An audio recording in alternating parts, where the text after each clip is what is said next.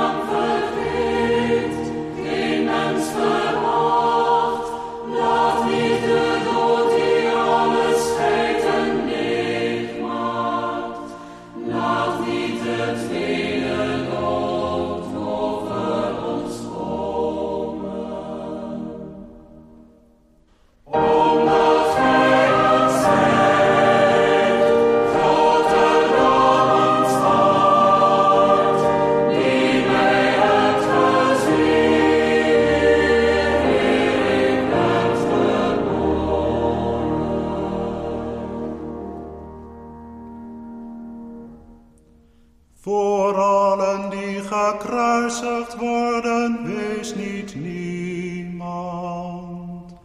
Wees hun toekomst ongezien.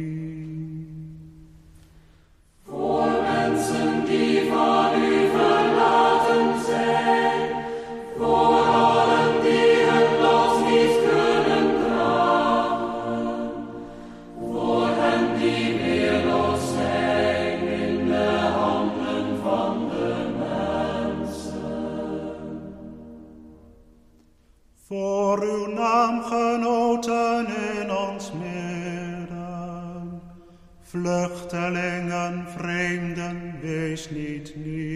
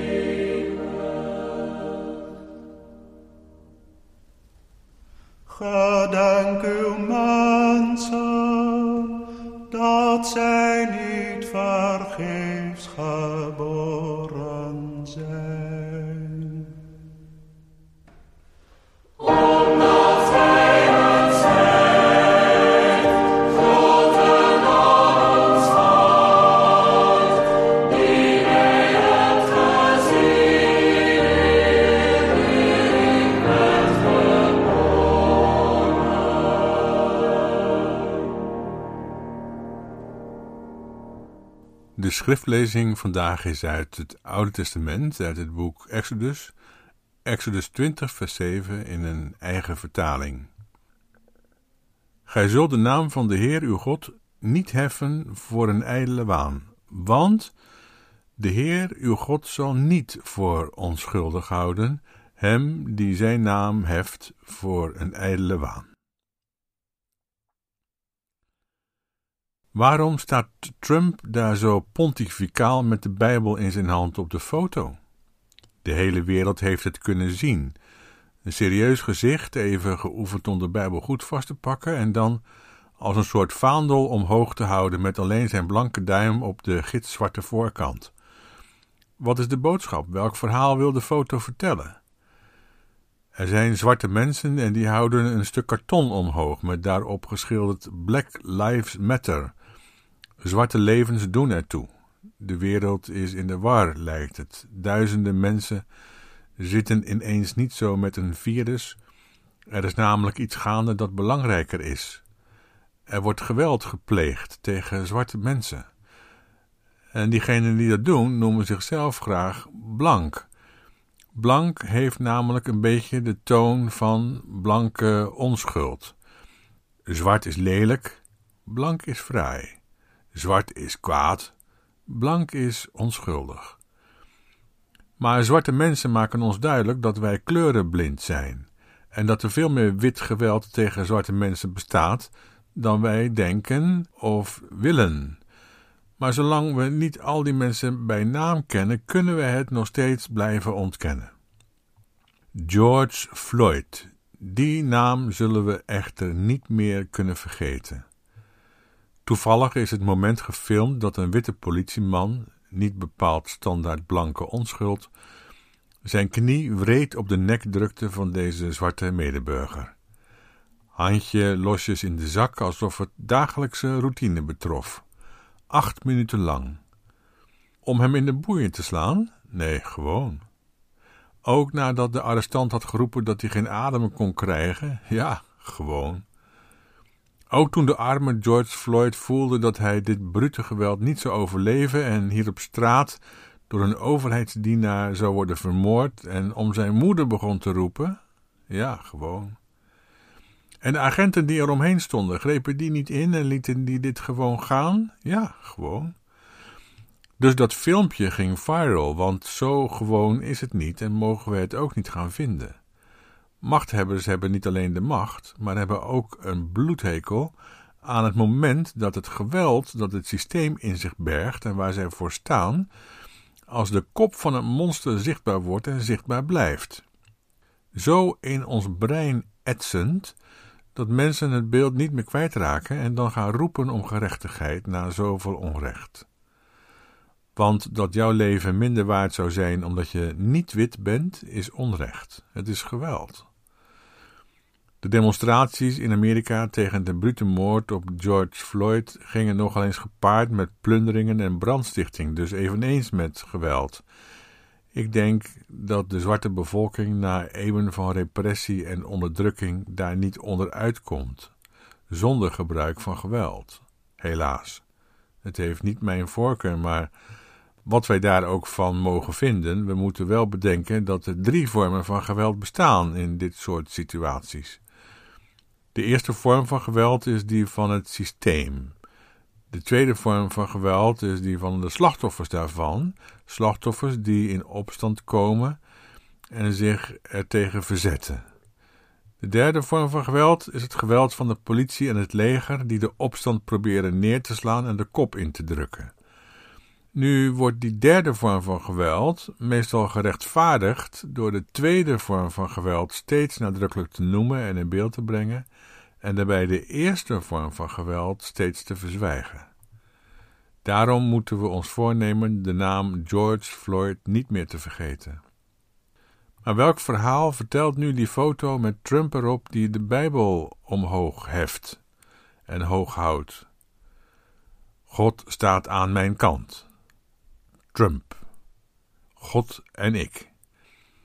En al die mensen die uit naam van George Floyd zich verzetten, zijn zondig en slecht, want ze verzetten zich niet tegen mij, maar tegen de Bijbel. En wat erger is, tegen God zelf.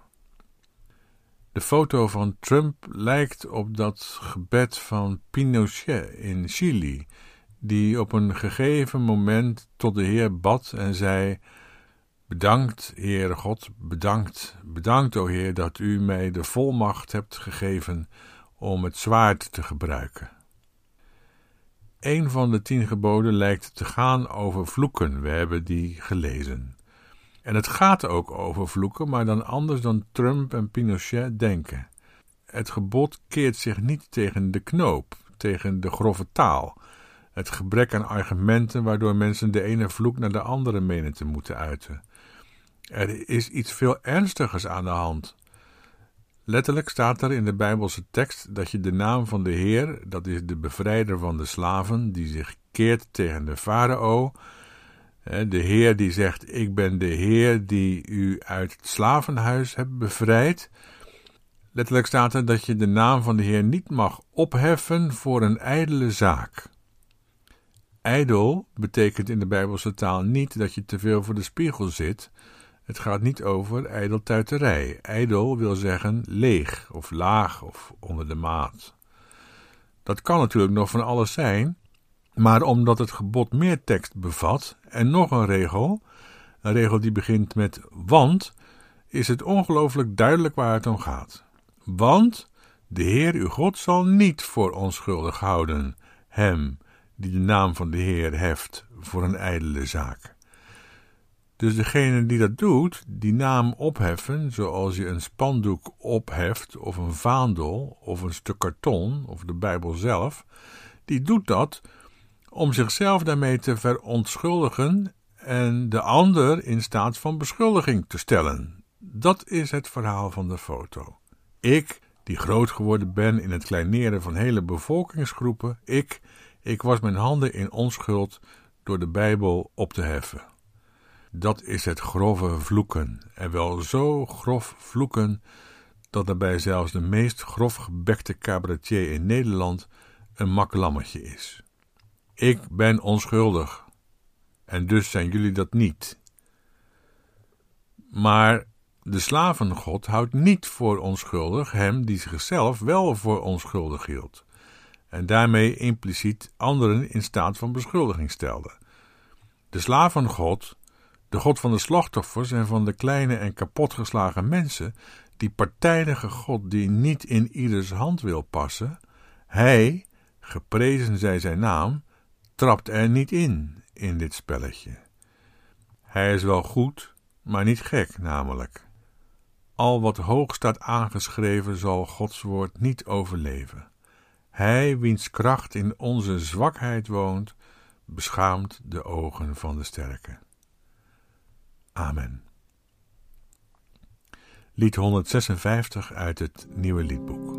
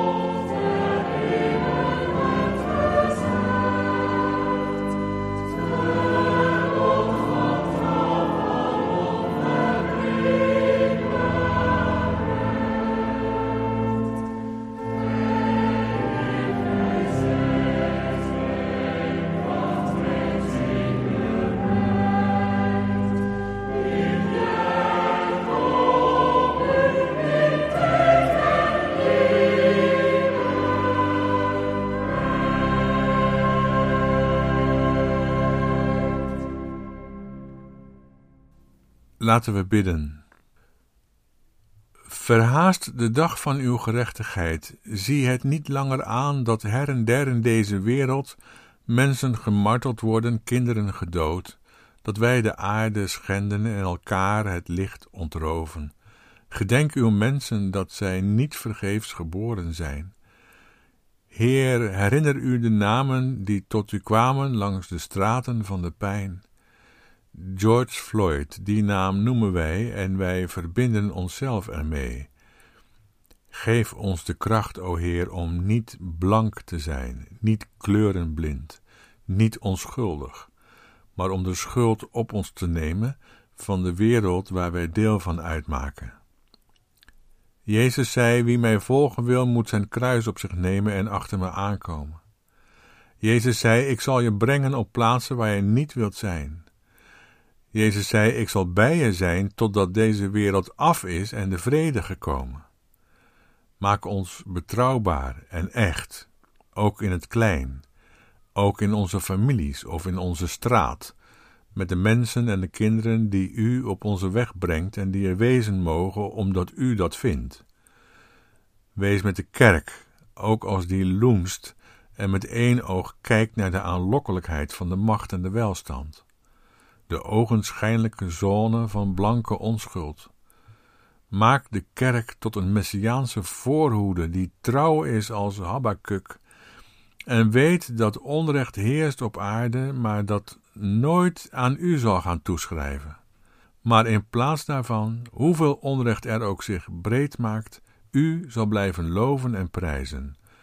God van de slaven en van de slachtoffers en sloven, als wij u een gewetensvraag mogen stellen. Bent u in uw hart eigenlijk niet zwart? En wij? Neem ons op sleeptouw, please, en zegen ons. Zegen ons waar we ook gaan. Amen. Ons slotlied is Deze wereld omgekeerd uit verzameld liedboek 522.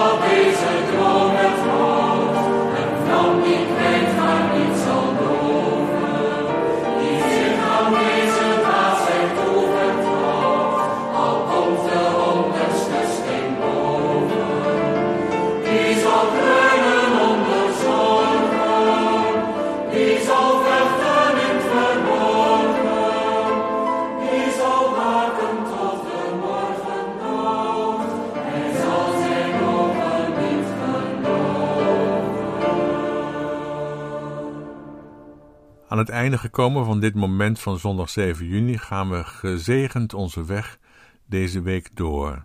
Want de Heer omgeeft ons van achteren en van voren, en hij slaat niet de hand aan ons, maar legt zijn hand op ons vol liefde en trouw.